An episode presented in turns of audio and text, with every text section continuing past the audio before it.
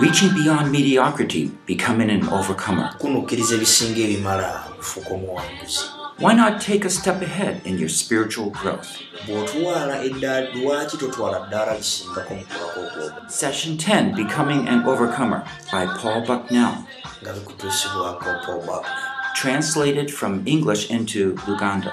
nga livvuunuddwa okuva mu luzungu okudda mu luganda essuula es- essomo eryokumi okufuuka omu okubeera omuwanguzi Produced by Biblical Foundations for Freedom. www.foundationsforfreedom.net, releasing God's truth to a new generation. okusumulula amazima ga katonda eri omulembe omupya Learn how to transfer these growth principles oyiga engeri ey'okuwaanyisa ennono zino to ez'okukula any particular struggle you're facing. mu kizibu kyennyini ky'oyitamu Let's open in a word of prayer.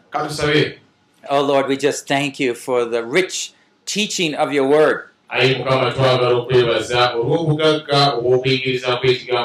You put those Nike sneakers on us. Era wateeka ebintu ebyo munda muffe You make us run to overcome. era n'otwambaza obugatto obwo obw'okudduka tusobole okudduka nga tuwangula Even though we are in the world, we do not live by the world. newankubadde nga tuli mu nsi naye tetuliiwo okusinzira ku mutindo gw'ensi We have the full gospel to proclaim, tulina enjiri enjuzufu ey'okulangirira and that we and others can get closer to you.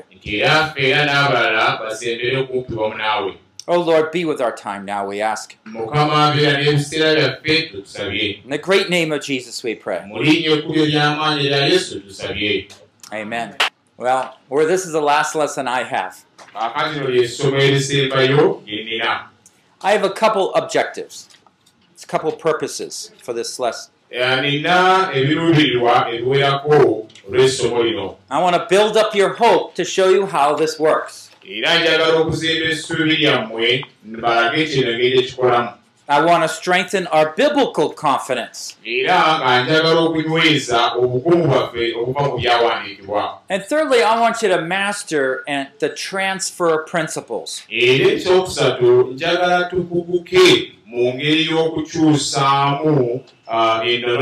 zino You see, what happens is God gives us victory in certain areas of our life, omanye ekibaawo katonda atuwa obuwanguzi mu kitundu ekimu eky'obulamu bwaffe and we're going to be using the same principles to help us in different areas of our life. era tugenda okukozesa ennono ze zimu ezo zetuyamba ate mu bulamu sayidi eno endala bwe tuba tulemererwa tusobole okufuna obuwanguzi There's many topics we have not talked about.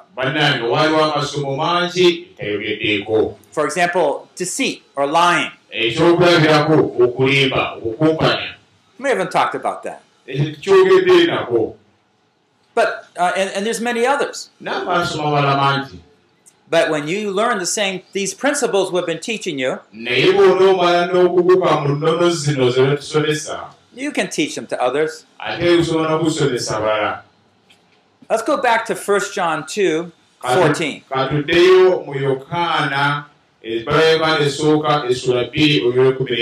I've written to you because you are strong and the word of God abides in you and you have overcome the evil one.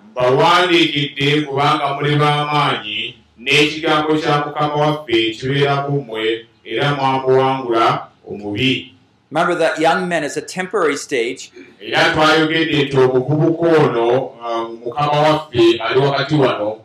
and but the, there's three things about them. They're strong. Ekisooka bamugambye nti oli w'amaanyi And you might picture a new believer. After a new believer, he's ready to do anything.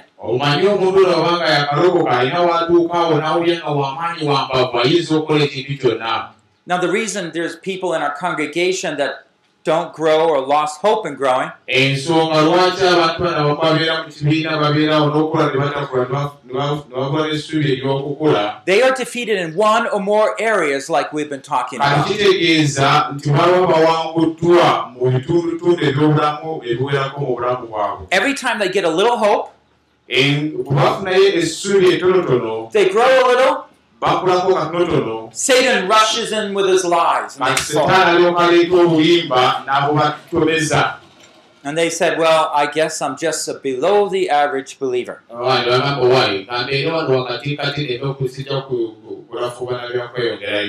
But once you start showing them the principles of truth, you will find that they just grow. A number of you have been sharing with me. God is helping you grow, even here. era nammwe mubadde mugabana wamu nange ne waba olina we tubadde mukama bongeddeko okukula A- And this is the way it works. We're not talking about money. Tetwogera ku kya sente We're not talking about much time. tetwogere ku biseera nga bingi So what's the key? bale ekisumuluzo kyekiriwa How does it work? bikola bitya And I hope I said it enough so you know now. Well, I know one thing. God wants you not only to grow in certain areas, He wants us to grow in every area era ayagala tukule mu ngeri zonna ez'obulamu bwaffe. You see, we're going to go to level three. kati tugenda te okuva ku mu- ku muvubuka ono. And level- Level three is where we've pretty much mastered these te- techniques. kaakati mu mutendera guno ogwokusatu bwe tubeera nga tukuguse mu nkola eno. And instead of big pieces that God's working on, mu kifo ky'okuba n'ebitundutundu bino ebinene mukama byakola mu bulamu bwaffe God is working on smaller pieces. kaakati mukama atandika okugenda ng'akola n'obutundutundu buno obutinitini The Lord originally led me into this teaching from Isaiah chapter 40, verses 1 through 5. mukama mukama yantwala mu kusoma kuno mu isaaya essula anoonyo olusooka And there, it was there that God began to show me God's purpose and objective in our lives. era mu ssuula wennyini mukama n'atandika okundaga ekigendererwa n'ensonga gy'alina And I'd just like to read some of that for you. kale kampasomera isaaya n'akutaano olusooka Isaiah 40, verses 1 through 5. olusooka okutuka ku lwokutaano isaaya essula ya makumi ana Comfort, O comfort my people, says your God. Speak kindly to Jerusalem. musanyuse musanyuse abantu bange bwayogera mukama mwogere ebyekisa eri yerusaalemi Call out to her that her warfare has ended, her iniquity has been removed. mumukowoole nti entalo ze zimaliri- zimaliriziddwa n'obutali butuukirivu bwe buggiddwawo She received double for all her sins. nti era afunye emirundi ebiri olw'ebibi bye Okay, so he's saying the gospel's come. era agambye nti enjiri And you're going to see John the Baptist, his words here in the next verses.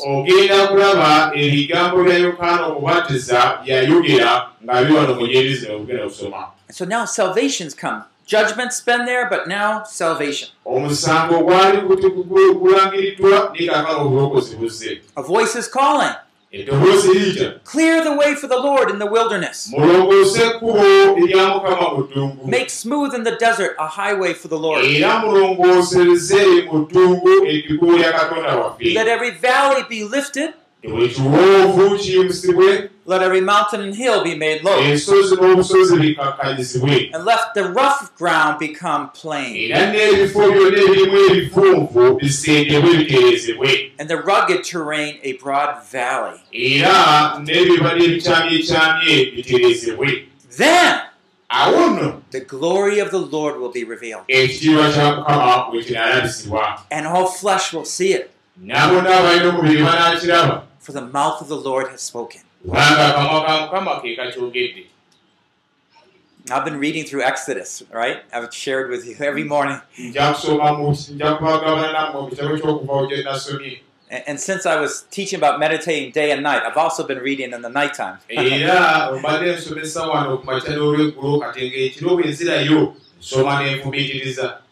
And again, you know, God revealed himself to Moses, and God's glory shined on Moses' face. How much of Christ do you want in your lives?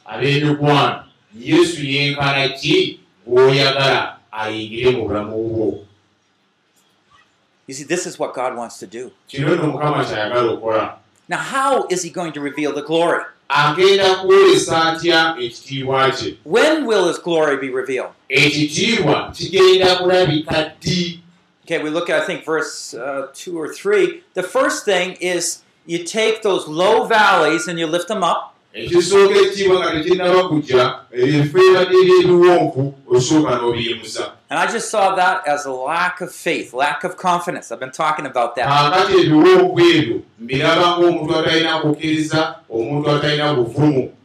And and the Lord's going to come by and just fill it up so the Lord can walk there. And I saw those mountains, those hills. Akati nezo ensozi n'obusozi Well, they got to be chopped down. We can't do that. But that's God's specialty. You see, that's the rough work God does. We need those big tractors to do that. But when you look at verse 4, you see that even the rough ground, era olunyiro lwokuna lulaga nti ebifo ebirimu ebifunfufunfu. He's going to work on. agenda nabyo okubikolako. He wants it level. ayagala abaterere bulungi. Then, byonna ng'amaze okubikola awo nno ekitiibwa nekyalisibwa if you want revival, weyagala okudda obujja this is where it goes. kino kyekitegeeza You have your plans all here. olina engeri yonna pulaani yonna ey'okuleeta okudda obujja Judgment is past. omusango guvuddewo The glory of salvation is here. ekitiibwa ekyobulokozi kizze And God begins to do the shaping in our lives. era mukama atandika okukola okuwumba okujja mu bulamu bwaffe That work that God does is in our hearts. And it changes how we look at God, how we relate to others, and just our whole world begins to change. You see, God cannot reveal his holy self to people who are not sanctified. omanyi katonda tasobola kulaga obulamu bwe obutuukirivu eri abatanaba kutukuzibwa You have those lust in you. ng'olikyalina okwaka Well, define the lust. twanyonyodde okwaka Lust means I want other things more than God. okwaka kitegeeza nti bino bye njagala nnyo okukira katonda And you want God close to you. era tweyagala mukama akusemberera No, no, no, no, no. Get rid of the lust. Then you have God. It's with our pride, it's with our deceit, it's with our bitterness. So those hills are like that misplaced confidence. kaakati ensozi ezo eziringa obu- obukumu obukyamiziddwa ezira tuzigyewo Those valleys like the lack of confidence. kaakati ate ebiwonvu biringa obutaba na bugumu nabyo bijjuzibwe And no wonder he told them, go out and preach repentance. Ye- yensonga lwaki yagamba nti bwe mugenda ebweru Why repentance? Because repentance is pointing us to our moral collapse. kubanga okwenenya okwo kuba kusonga ku bulamu bwaffe buli obwempisa enfuudu Now, every area that we have not dealt with buli kitundu kyonna ekyobulamu kye tutakutteeko becomes like a handle. kifaanana nga ekikwatibwako How many handles do you have on you? Owange olina bi- bi- bi- byokubikwatibwako The handle is an easy place that Satan can pull you from. kaakati ebyo ebyo mu- akakona akakwata awo setaani wayinza okukwata ku kugiro lwo n'akusika So if I have bitterness, akali wemali n'obukaawu anytime you start having things going well, ebintu bitandika ogenda bitambulatambula bulungi he just pulls it.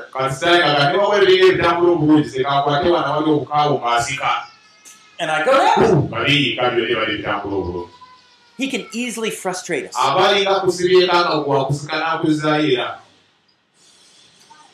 Do you see? But when we begin to get rid of them, he can't easily tackle us.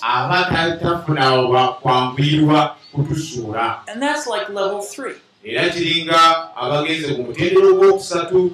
We can fall. We probably will fall. okugwa But the point is, we know more or less how Satan is working. byakola Like Paul says, I, we know the devices of the evil one.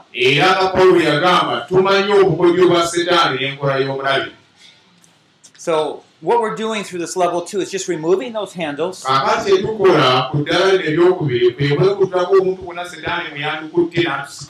giving us that vision for what God wants for our life.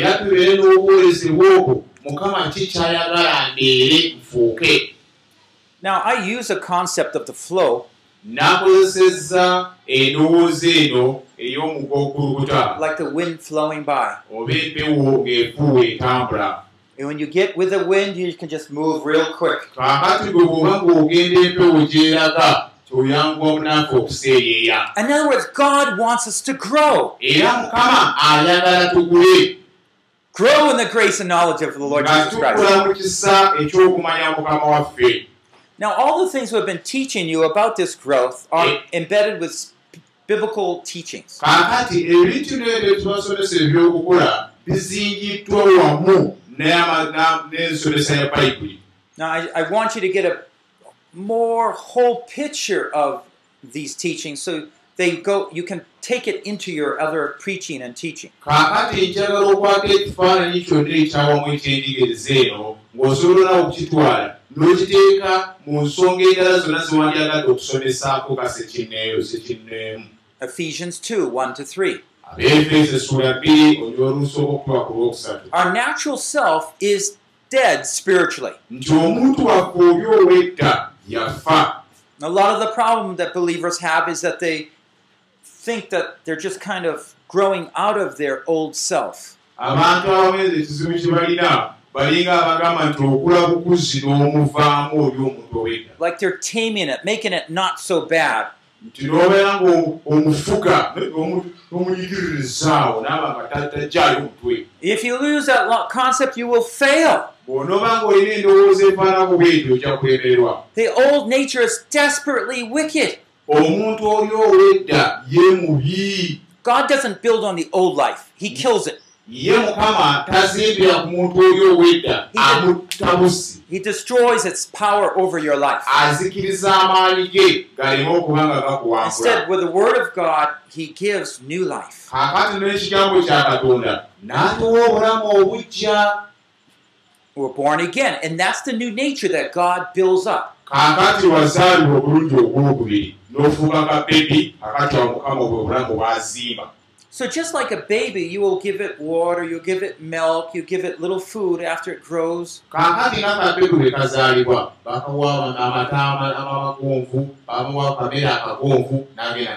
That's what makes it lie, live and grow. And the same, aren't you still eating and drinking? And so we still grow physically. So if we start with the Word of God and we start with the Holy Spirit, we're just going to keep growing. It says in Ephesians 4:15, kyogera mu befeso ennya kumi na ttaano speaking the truth in love, nga mwogera amazima mu kwagala we are to grow up in all aspects unto him, tulyoke tukule mu ngeri zonna ez'obulamu okutuuka mu ye who is the head, even Christ. ye nga gwe mutwe era kristo So we're noticing that there's all aspects, different areas of our life. waliwo ebitundu ebirala ebyobulamu bye twetaaga okukulamu And how are we to grow? bikula bitya Unto him. nga bikula okudda eri ye And so we begin to walk and talk like Jesus. This is where God's bringing us. Now, most people would say, Oh, I'm waiting to heaven. "Ah, No, he wants us now to grow in holiness. mukama ayagala tukaakano olwaleero tukule nga mu butuukirivu nga tukyali ku nsigo Let me give you a few verses.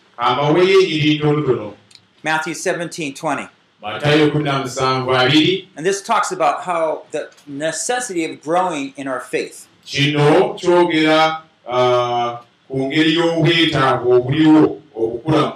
kwaffe Okay, if there's no faith, then there's no belief.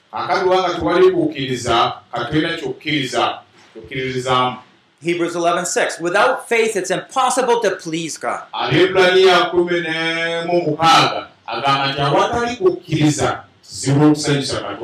He who comes to God must believe that He is and that He's a rewarder of those who seek Him.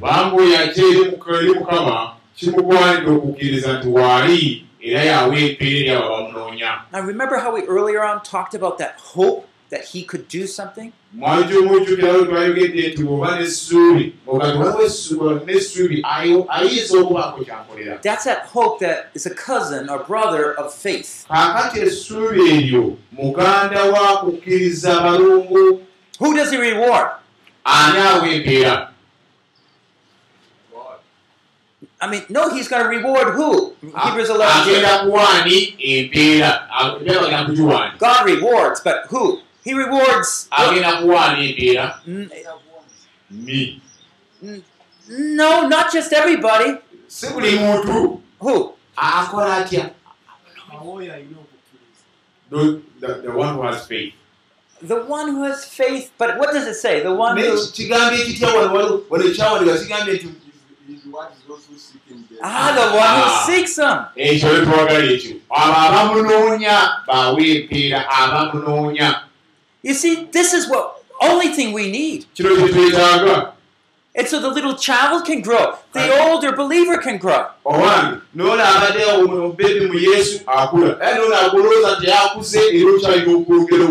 Now, we as teachers need to learn how to help them with that little faith.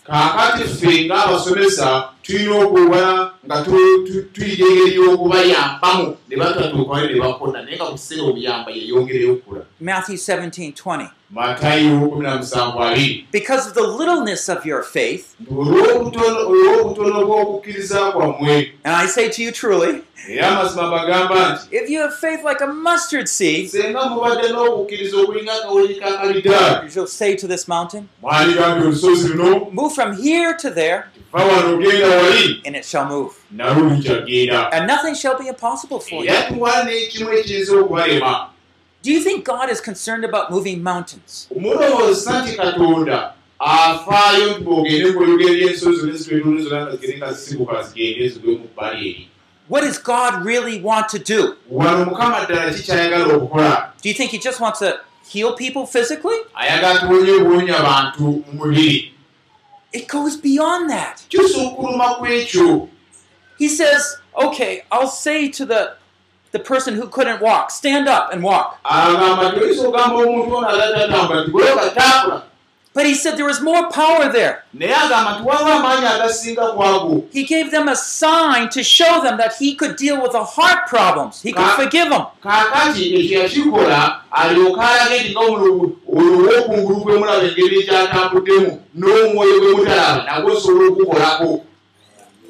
And God wants to work and make us holy. You see, it's not just getting rid of the bitterness, not just getting rid of the anxiety. kuleka gundi uh, Because they all reveal idolatry. What he's doing is taking those areas back so our heart can be again affirmed on him alone. kaakati kyakola ayagala jjewo biri emitima gyaffe gikomewo gyali tube nga tunywezebwa gyali Those things reveal our lack of faith in the eternal God. So as our faith grows, our spiritual life grows.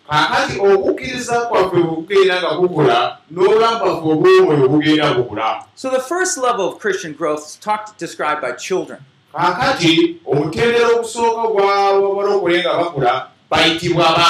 And Ephesians 4:14 it says, "Don't be like the children,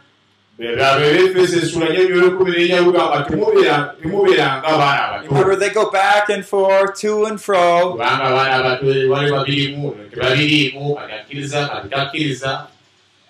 And sometimes even believers at 20 years old is like a little child, isn't it?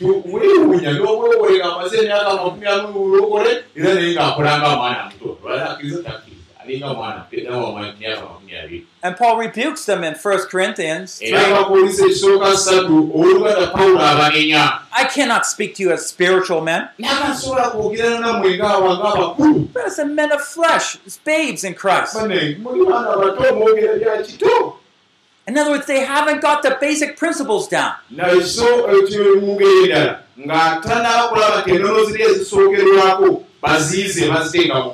Hebrews talks about the babe. abeebulaniya ayogera ku babbeepi Hebrews 5:13. abeebulaniya tano kumi nasatu I like how Peter does it. Says that. I 1 think- Peter 2:2. njagala nnyo peetero ekisooka essula bbiri ebyolwokubiri engeri gyakyogeramu Like newborn babes, agati nga abaana abawera bakajja bazaalibwe long for the pure milk of the word. Notice the word that by it you may grow in respect to salvation. Laba ekyo agati ng'abaana abato abakajjamba bazaalibwe mwegombenga amata amalungi ag'omwoyo nga kyekigambo kya katonda ekinaabayinza okukula tuuka mu bulokozi. Now we have to teach them the word of God. That they can grow. And it's by the word of God they can grow in respect to their salvation. So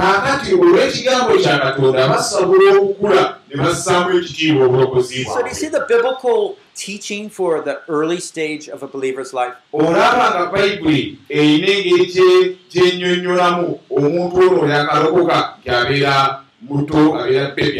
But that stage early, quickly ends kaakati ekiseera kituuka until you go on to young men. buli oba bebi n'abuvaamu kati n'afuuka omuvubuka kati muvubuka developing our faith. katandika okukuza okukkiriza There was a woman, uh, she, he said to her, Your faith is great.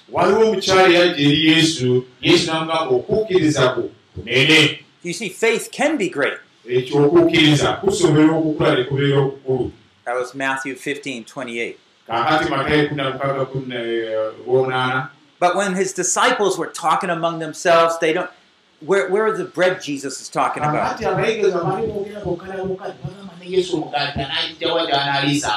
Matthew 16 8. matayo kumi na mukaaga munaana He says, You men of little faith. You see, that Satan just gave them a lie and, and, and they're just talking about it. They, they have little faith. okubyogerako okukkiriza nogenda nga kukendeera yesu n'agamba nti mulina okukkiriza Jesus said, just fed 5,000 with a little boy's lunch.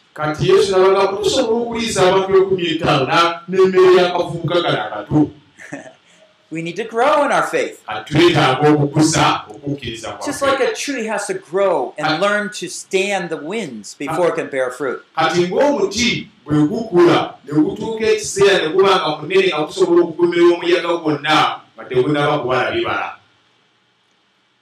So, God, He's going to take the old man and put it off, kaakati katonda ayagala atuggyeko omuntu oli ow'edda amusuula eri and we're going to nurture our new life. Kaakati obulamu buno obupya bwe tulimu tutandika okubuyonsa n'okukuza And just like the light, He says it's created in righteousness and holiness of the truth. era ayogera nti yatutonda olw'obutuukirivu n'obutukuvu n'amazima. Mujjuke twaganda ebyo bisatu bwe musana ebiraga omusana obutuukirivu obutukuvu n'amazima. I know I'm going quick here, but I'm just trying to refresh your minds of verses I, I know you are, are familiar with.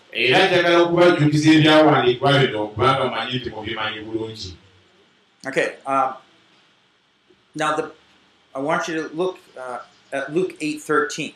luka essuula munaana ebyerukumesa mubikuleyo And on there, well, you don't have to turn to it, but you can. It says, Those on the rocky soil, the parable of the sower, those on the rocky soil, olugero luno olw'omusezi n'agamba nti ensiko ezo ezaagwa ku ttaka ery'obulwazi now they hear and receive the word with joy, nti be baabawulira ekigambo ne bakifuna n'essanyu. And these have no firm root, though. naye nga tebalina mirandira They believe for a while, bakkirizaako akaseera but in time of temptation, they fall away. Bagwa Do you see how Satan, with a temptation, is taking the word of God out of their life. olaba setaani mu biseera eby'okukemebwa nti abajjako ekigambo kya katonda mu bulamu bwabwe If we preach the word of God, kati singa tumale tuwulira ekigambo kya katonda but don't take it into their hearts, naye nekitasimba mizi mu bulamu bwa mutima gyabwe then it will quickly go away.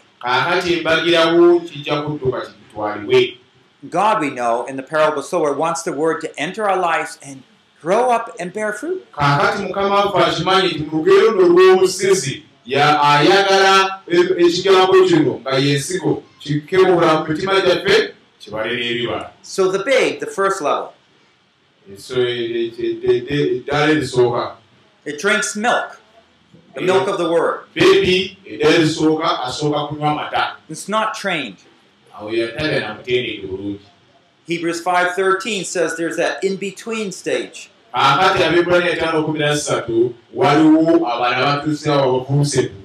before we can go to the mature stage where we eat solid food, where we're already trained. And so we've been talking about that stage.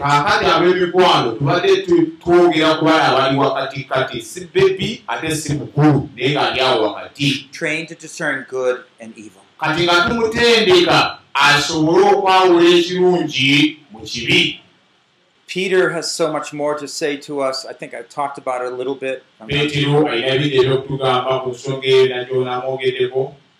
But God just wants us just to grow up and bear fruit 30, 60, and 100 fold.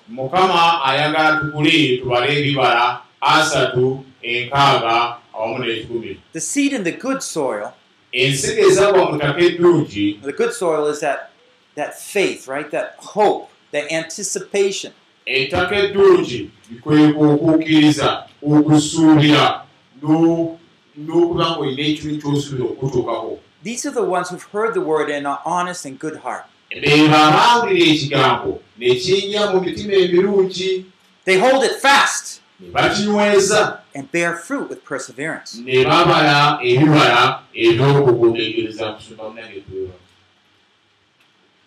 Okay, so what is he saying here? Hold it fast. What does it mean?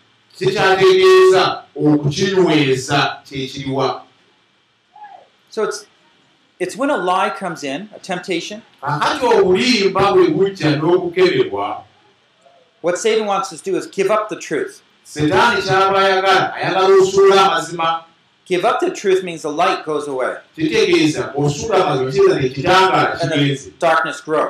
ekizikiza kigenda kakikula I've been training you when the temptation comes, shine the light, and the darkness will.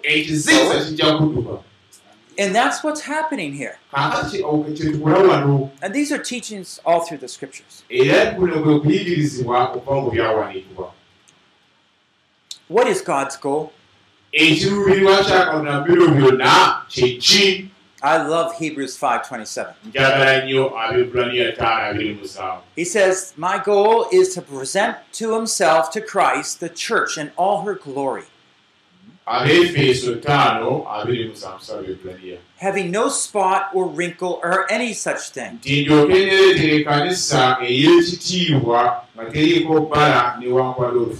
that she should be holy and blameless." era ebeera entukuvu nga teriiko kyakunenyezebwa Hebrews 5 uh, E- Ephesians 5:27. abeefeeso ttaano abiri mu musanvu Do you see what it is? Glory, her, her glory, and he says what that is. She should be holy and blameless. Let me share with you what my prayer is.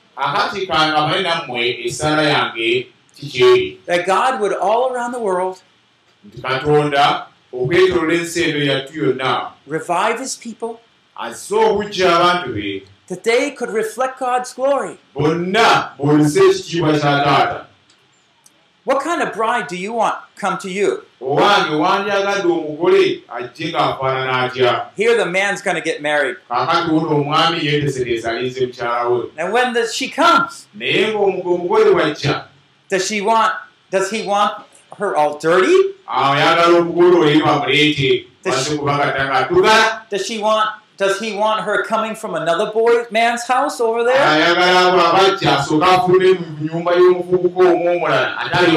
newo But you see, when we have worry, that's what's happening, tuba n'okweraliikirira When we lust, that's the same thing.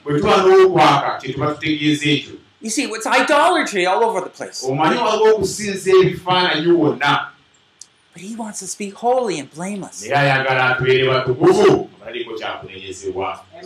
So, what are you praying for your churches?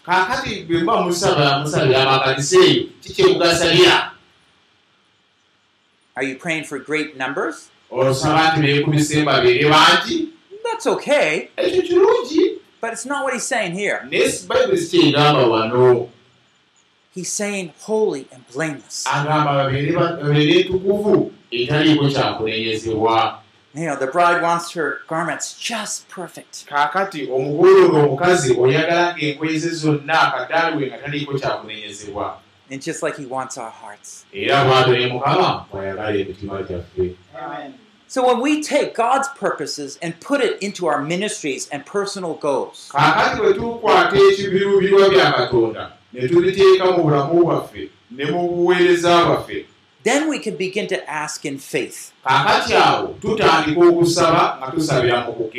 That sister has a struggle with anxiety. Lord, I'm asking you to develop her faith.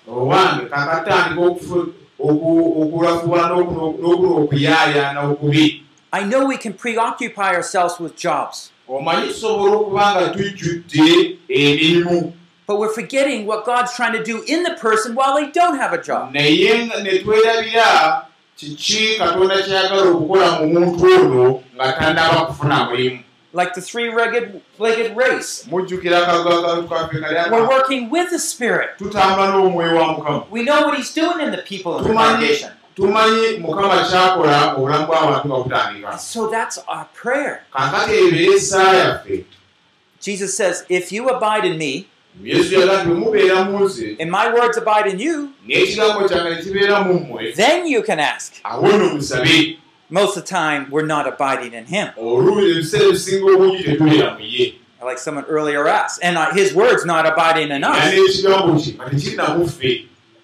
Yeah, otherwise, we're going to ask for the wrong things. kale kitegeeza tugenda kusaba bikyamu Fixing our eyes on Jesus, the author and perfecter of faith. ng'amaaso gaffe tugatunulizza mukama waffe yesu omutandisa era omu amaliriza okukkiriza kwaffe So basically, when we're looking overall, and um, right now I'm turning my uh, attention to the transfer principles. kakati ngezaako okubalaga engeri gy'osobola okutambuza ennono ze n'ozigye n'oziteeka We are, by preaching repentance and showing them the way of spiritual growth, clearing a way for the Lord.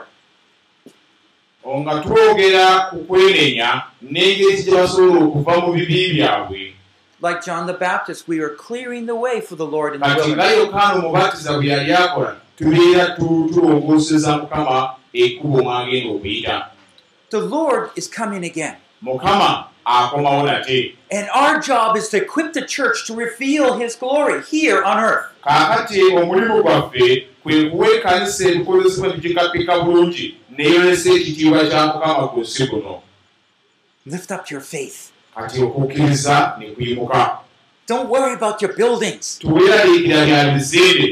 That's not what Jesus is coming back to see. That's not what He's charged us with. We're going to have to learn how to fill in those valleys there. Those brothers and sisters don't have faith. We need to use our faith to say, come on. We're going to need courage to face those mountains. tubazzeemu amaanyi engeri basobola okutulira ensozi ezo Man, that pr- guy is so prideful. I can't even get near him. But you're going to grab hold of his heart and faith. Lord, how are you going to bring him down? We're going to need faith for that. And, okumukwata and we're working with the Lord to do that. We need a lot of wisdom, a lot of patience. Think about yourselves. How long have you all been in the Lord? How many years? myaka eme 20 years 20. Any more than 20? Uh, how many? 23? 3 years 3? 26 26? waluma 9 years Nine years. That's, that's wonderful. But look how patient the Lord is with you.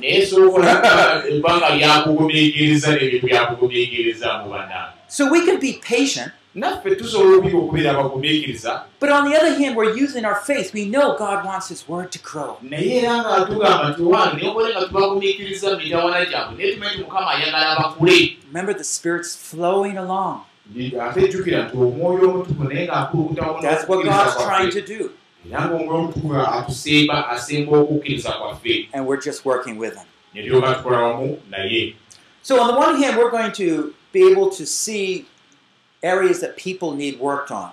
kakati no wano ŋŋenda kubalaga ah, ebitundu by'obulamu abantu bye beetaaga okukolako One person might be critical, omuntu omu ayinza okuba ng'akolokota nnyo banne and you can see, oh, that person has is like a hill, like a mountain. n'olyoka olaba owooluganda oyo ng'alinga olusozi olunene gambalagala They have a lot of self confidence in themselves.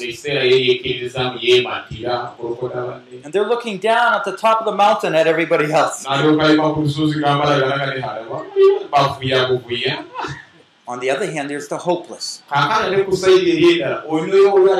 ssuubi They don't know what to do. No, they're not. They're going to be the ones without faith. They're going to be down in the hole. And we're going to start putting some sand down that hill, hole. Slowly gets higher and higher. Finally, their head's above the ground. I can see the sun again. Yeah. And we're, and we're going to just see God be working. era tugenda kuba mukama ng'akola See, this is the process. We're observing and then learning how to give faith or to pray how God might teach them. era neyenkola nga tulaga byo- byobiri bino tewali bali tubayamba ebyokufuna okukkiriza ate bano tubasalidde tutya mukama okukwata ku mala gabwe nabo bakakkane Okay, so what we're going to find is that all the problems in life, uh, in terms of our own heart response, tetugenda naddala ffe engeri gye twanukuliramu singa wabeerawo embeera ebeerawo will either be lack of confidence, kiyinza okuba obutaba na ssuubi like the a, a person that worries, depressed, or confused. omuntu atabudatabuddwa awanise emikono oyo aweddemu essuubi oyo talina kukiriza They're going to have common characteristics in their life. kaakati abantu abafaanako bwe batyo balina ekintu ekifaanana mu bulamu bwabwe They're going to be confused and unsure, babeera batabuddwatabuddwa era nga kyekakasa kyekigenda okuddako and their feelings will be broken and feel defeated. era nga engeri gye beewuliramu bonna bamenyefumenyefu talina nawa talina nawa ka- kamunyeenya kali mu ye And their primary need is to be able to be encouraged to believe.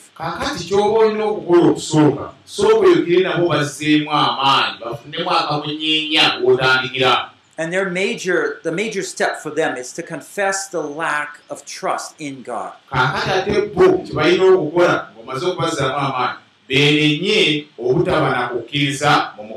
those who are bitter and critical and prideful up on the hill, kaakati bali abali ku lusozi eri waggulu bategedde abo abali ku lusozi gambalagala abalengeza bannaabwe bobasalira busazi emisango bagamba bali bavuya buvuya they think they got it together. Bo balowooza nti ah bo bali eyo They're confident and sure. balina obuvumu bali beekakase They're prideful and secure. era bawulira nga balina amalala bagamba ffe waffe mirembe What's their primary need? kaakati ekyetaago kyabwe ekikulu kiriki Humbling. okukakkana Now, it's not us necessarily that brings them that humbling, right? We can carefully give warning, mu ngeri y'obwetooze n'amagezi tusobola okubawa okulabula. Even rebuke, oluusi n'okubanenya. But you'll see if they're not responsive, only God can really deal with them. naye bwe baba nga tebannage teba- tebawuliriza katonda yekka yayinza okubakwa- okubakwatawo oluma ne banugula And so, what is God going to do? kati mukama ye agenda kukola ki Boom! agenda kubawanulayo See, at that point, you come in, you lead them through repentance and confession. So, God wants to work in our lives, and, and we can see how He needs to work in those around us.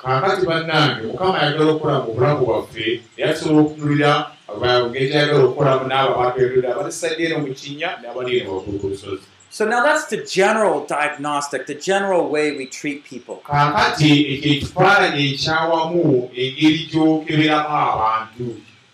But we also need specific diagnostic.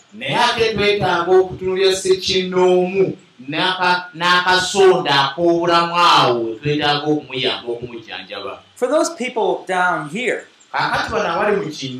we're starting to sprinkle hope on them God's Word. If we can get one hope in there, yeah, maybe God could help me. That's a step up. And we just keep encouraging them along that line. And we want to bring another hope in as soon as we can. But how do we start with those people up on the hill? Do they need hope? Mm, probably not. okubazaamu essuubi No, they're doing okay. What they need is a new vision, a greater faith, a greater picture of God so they see their holiness. Remember Isaiah in chapter 6? He saw God. Then he could see his sin. And so, if somehow we could pray that God would begin to reveal where that person ought to be, owange senga tuyinza okusabira abaana abali ku lusozi lwa mukama bayambe beerabe wa bwe mukama weyagala babeere what if you're talking to a husband that just hit his wife? kaakati senga oba oyogera n'omusajja naye ng'omwami mukazi we yamu He professes to be a believer. What are you going to say to him?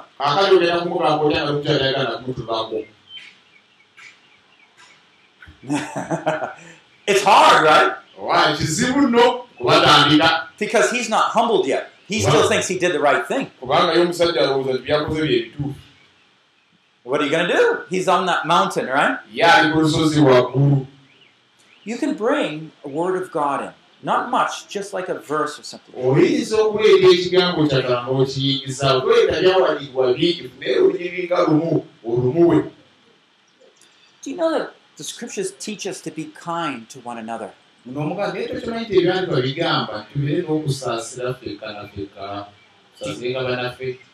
Do you think you've been kind?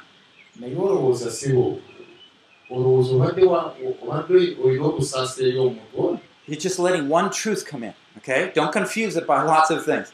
One truth.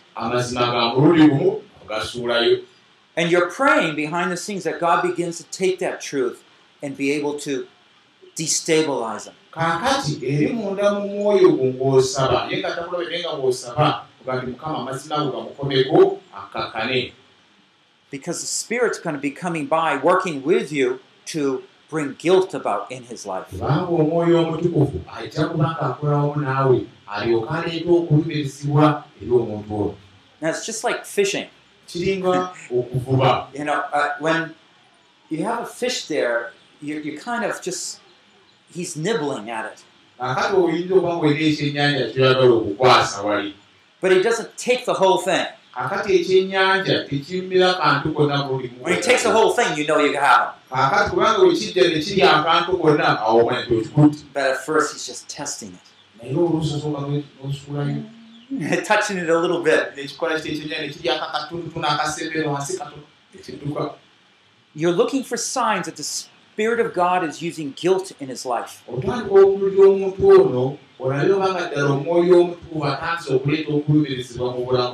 But you'll also see Satan working. You'll see Satan also working. So you might hear something like this Well, I think I could have been a little nicer. There you go. He's not admitting everything, but he's admitting something, isn't he? By admitting he could have been nicer means he has done wrong.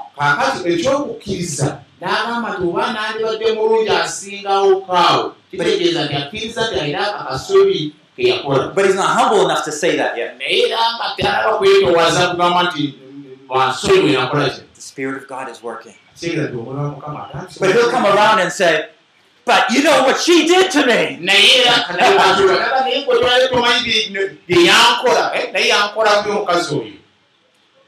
Don't get distracted. You know, don't go talking about what she did and things like that. Oh, I'll talk to her in a minute. How do you think you could have been kinder? See, the truth, again, the same truth, deeper. kakati ng'osirika amazima nga olowooza wandibadde otya olw'ekisa gyali You see what's happening? olaba ekibawaawo We might not convince them right there, tuyinza obutamumatiza mu kaseera ako kennyini but maybe after a day or two, he might come over. oluvannyuma nga lwonaku galumu oba bbiri ye yennyini ayinza okujja Pastor, you're right.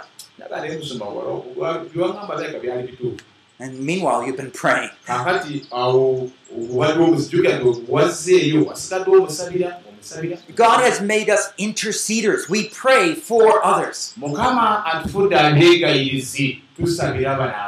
Because on his own, Satan's striking him, and he has not learned how to defend himself.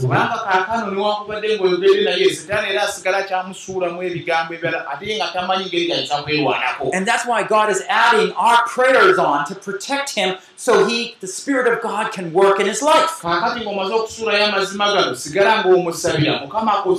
Kaakati ng'omaze okusuulayo amazima gano sigala ng'omusabira mukama akozese essaala zo amutangire obusale bw'omubi So that's where we bring repentance in. kaakati awo bwetugera nga tukwata omuntu oyo okutuuka tumutuusa wali okwenenya And once people get a little hope, or once they come become guilty and confess their pride, kaakati omuntu oli atalina ssuubi atandika okufuna essuubi oba ono abadde alina amalala nga n'atandika okulya ng'alumirizibwa n'akkako katono ku malala ge then it's easier to deal with them. Kaakati awo ofuna omuwaaka w'otandikira okwanguyibwa okubayamba But don't stop there. era tokomaawo Take one of the things you've learned and go through it with him till he learns how to fight in that kaakati area. kwata ku bintu bino byoyize obayambe oba ono oba oli obayambe bawuyitemu wamu nabo obayiseemu Give him a vision what it is to be a kind husband. Kaakati ngaokwolesebwa alabe kitegeeza okubeera omwami ow'ekisa n'okusaasira Once they have the vision, then they want to get there. kaakati bamala okufuna okwolesebwa bonna baba baagala baluubirire babeere Once they want to get there, then that's the time to give them that full. kaakati kasaba omoti mukama ekyagala mbeere nange kyenjagala okubeera awo ofunye embavu ez'okubayamba osobola okutuukayo See, this is the path of discipleship. Bannange lyo lyekkubo ery'oku- ery'okufuula abayigirizwa It's much easier to start with a new Christian and train them through these things. kaakati kyanguwa nnyo singa ofunayo abaagalogoka n'obayisa mu masomo gano n'obatendeka bwoti But most of the people in our congregation are either up there or way down there. owange nebira esinga obungi weesanga ngaekyo oli mu kibiina ekibiina batudde mu kanisa bamazemu emyaka makumi abiri naye abala bali eri mu biwonvu ate abala bali eri ku nsozi But God has called you naye mukama mukwana akuyisa atudde wano lwaleero to equip them okuwa abantu bano okubawa ebikozesebwa n'okubayamba that the glory of God might be in their lives. Can you picture your church as a bride ready for Christ?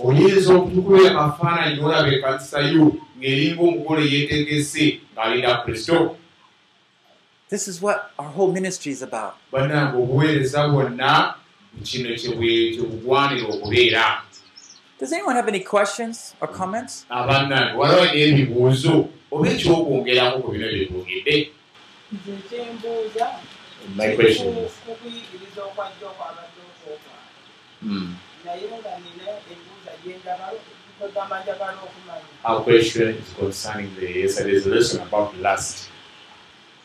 Kaakati nawuliddewo nti waliwo n'essaala ezetusaba oluusi nga byakaala And she heard that there are some prayers that we pray because of our lust. Now, uh, if there are some people who, are, who want to get married, they, they maybe their fiancé in a court- courtship. Mm. nga baagala okufumbirizibwa naye nga tannaba kulaba ng'akyali mu kusaba n'okunoonya kaakati mbuuza omuntu nga abadde nga ali mu ku- mu kusaba katonda amulage omwami oba amulage omukyala gwanaawasa? Kati ebbanga ne ligenda nga gyekulungula nga tannalaba kaakati ebiseera ebyo byamalanga nga akyasaba esaala eyo yebeera ey'okwaka oba aba alina kukola kiki mu kiseera ekyo nga tannaba kufuna? Now, if they are, they are, they are a sister or brother in the church, and they are praying and believing God to get a partner, and this person has not yet received any partner, now in that period, as someone he or she is praying, is that a prayer of lust? What should they do? They're praying and to get a partner. I don't see that as a, a problem so much. It's not wrong to seek a, a husband or wife, right? si kibi okusaba ng'onoonya omubeezi There is that need in our life uh, and that sexual desire that we have. That's not wrong. kaakati wabaawo okwetaaga okwo okw'omubiri katonda kwe yateekamu ffe okwekwegatta omusajja n'omukazi ekyo si kibi So if a person is patient, naye waba ng'agumiikiriza that's okay. That's fine. kyekituufu asabe ng'agumiikiriza ng'aliitira mukama It becomes lust when he's not patient or she's not patient. kaakati bwe kifuukira okwaka kwe kubanga tasobola kugumiikiriza nagamba nze mwagala kati mwagala kati mugwaku weri wemugwirako gwentwala So if a believer would want to marry an unbeliever, kaakati senga abeera omukkiriza n'atuuka n'okunoonya atali mukkiriza or he wants to go out and flirt with women, or they compromise and he tries to build up a physical relationship with someone.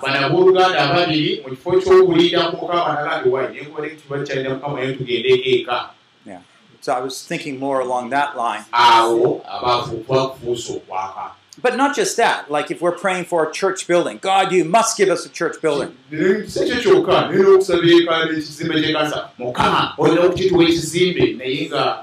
yaka You know, uh, it, it can be anything that we're. See, what we really need to focus our prayers on are the hearts of the people.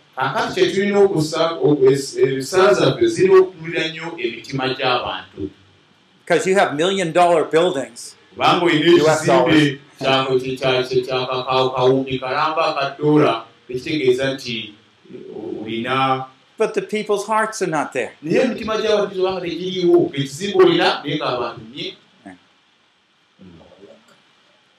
Are there any other questions before we close?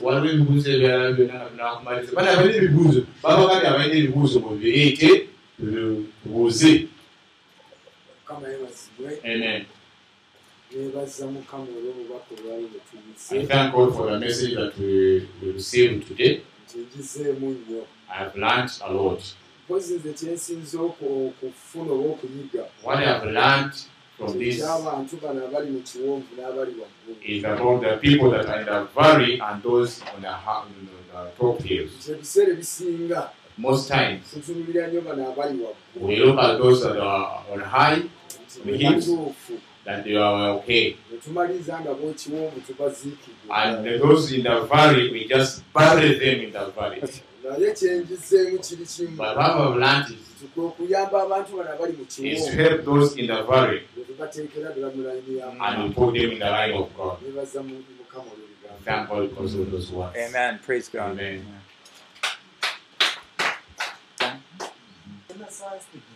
What I didn't understand, esaala eyo bwoba ogisaba when you are praying that prayer, otandikirawa era okumiikiriza otya where where do you begin and how you end. Okay, um, good.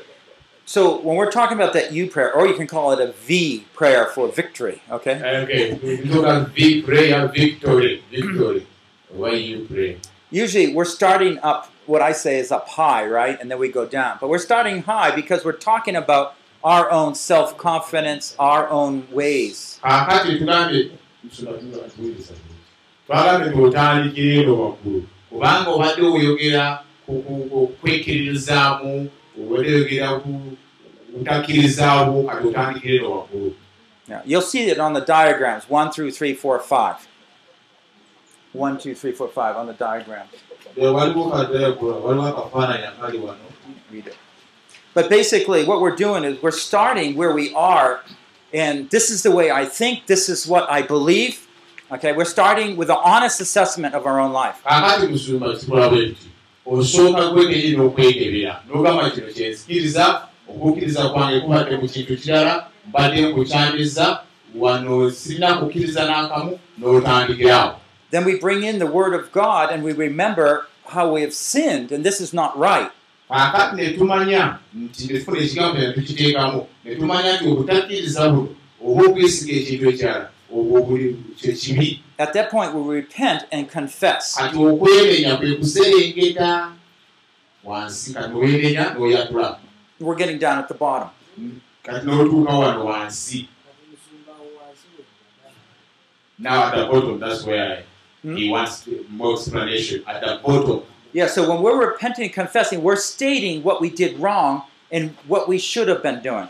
kakati otwenenya byetwatula bino netuwenenya byetubadde tulina okuba naye nga si byetukola kati bwetutuuka wano wansi netandika okulaba biki byetwandibadde tukola naye nga si byetukoze So the worried person, for example, is confessing, I should have been trusting you. kaakati omuntu ono ekyokulabira kali yeraliikirira atuuka neyeera ti mukama onsaasire kubanga mbadde sikwesiga Now, when you finish confessing, you want to start bringing truth in. that- When you're down at the bottom, it's when you bring the truth in, is when faith will start coming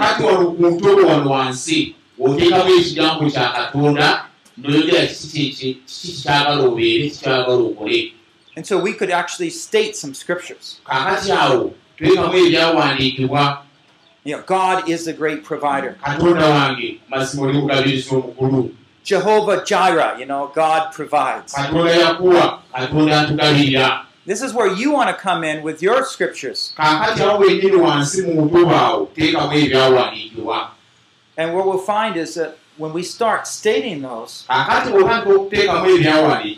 that's where the light begins to shine. And all that darkness is gone through the confession. And I just find that there's a rally, a building up of faith. And to a point where we're changing, and I can say, Lord, I, I don't want to worry anymore.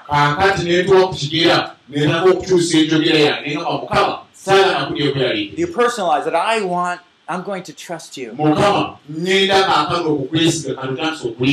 You're the one who's taken care of me in the past. nti You've taken care of me in the past. I know you'll do it in the future. So we're going back up, and at the top, I just like to uh, declare His His goodness. Otandika okulangirira obugabirizi bwe n'obulungi You bwe are all powerful. nga mukama olina amaanyi gonna You love me so much. onjagala nnyo ennyini I will always be grateful. bulijjo nja kubeera nga nkwebaza So it's basically like this. Does that make it clearer? Okay, thank you. Another question in the back? ekibuuzo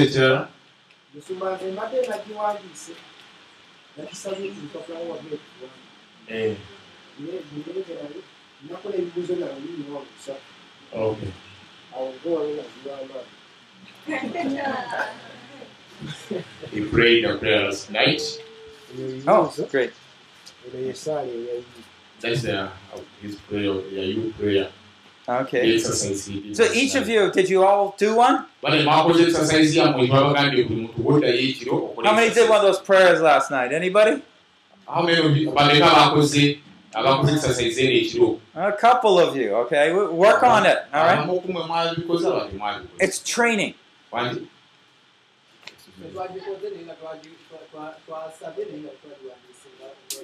okay he did it he prayed the prayer but he didn't write it Oh, that's okay. You, you, you said it for. If you write it down, even better, but that's fine. Saying is okay. kituufu Did you find any, either either you two, did you find any, or anyone who prayed, did you find how it worked in you? in your walabye engeri ekikolamu kayu kaffe kano newaji otandikira noserengeta noyambuka walabye engeri ekikolamu Do you have any questions about that in Ah, particular? kati mu ebyo mu ssaala y'omwo olinamu olina ebibuuzo Again, it's not so much a magic formula, but it, it's just your heart. You're changing, you're bringing the truth of God in. abooluganda si bintu bya- bya- bya- bya- bya magic magic byeki mu luganda magic byabifuusafuusa wabula engeri gy'ova mu kiri ky'obaddemu eky'obutakkiriza gy'ova mu kizikiza gy'ova sayidi ya negativu sayidi embi n'okka wansi ate n'ogenda ku sayidi eya positivu sayidi ennungi kyekyokka ekyetaagisa ove mu kiri ekibadde ekibi ate ojje mu kino ekirungi ng'omaze Okay. Well, it's been really good to be with you. On the back of your, you have all these forms. If you start with chapter one, start going through each exercise, and you know, work it through, kikole ogende mu maaso and uh, hopefully you can find someone else to do it with.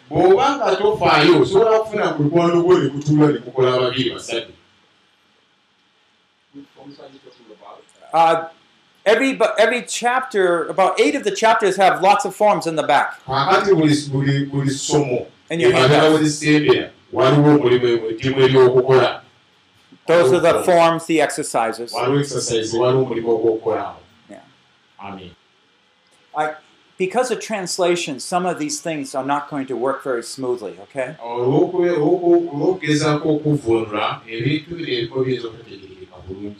So you skip over the ones that don't make sense. bw'olaba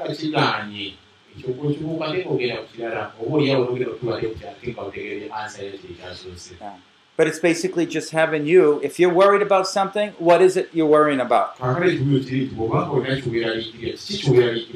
I can't find a wife.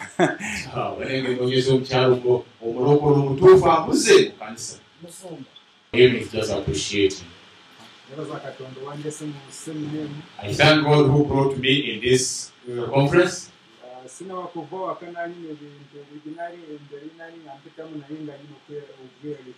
Before I left my, my home, I had some issues and I was worried about. When I came to, to this conference,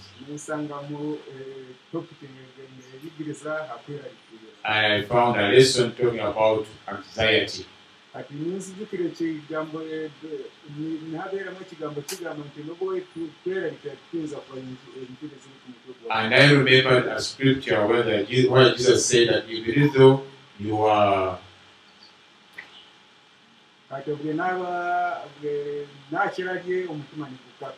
He read a scripture where Jesus told the, the disciples that even though you get worried of anything, you cannot turn your hair, a, a white hair into black one, and a black one into red, white one.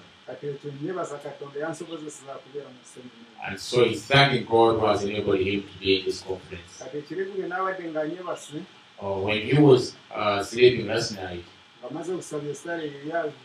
after praying that new prayer, kati nindaba ngawo nga waka ku kyalo waliwo omwala nga guzibye I, I, he saw at his home, at his place, a trench and it was broke. kati ningenda owa musumba mukuru. And I went to my senior pastor. Nizigyayo ekitiyo and I got a spade. Ninsiba omwala and uh, I, I, I cleaned that, that, that trench. After cleaning it, so the, the way was clear, And I could see people just go going, uh, riding their, their motorbikes, just ride, riding through. I thank God because He touched my life. Praise God. I've appreciated so much being with you, all of you. And may God really bless you all. And so you have the tools that God wants you to have to minister to your own heart, but also to others.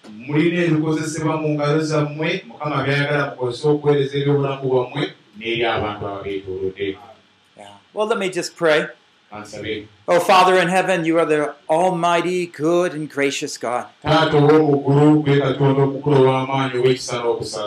We are amazed, Lord, how much you are involved in our lives. Lord, we really don't have a way of saying thank you except being faithful, area by area.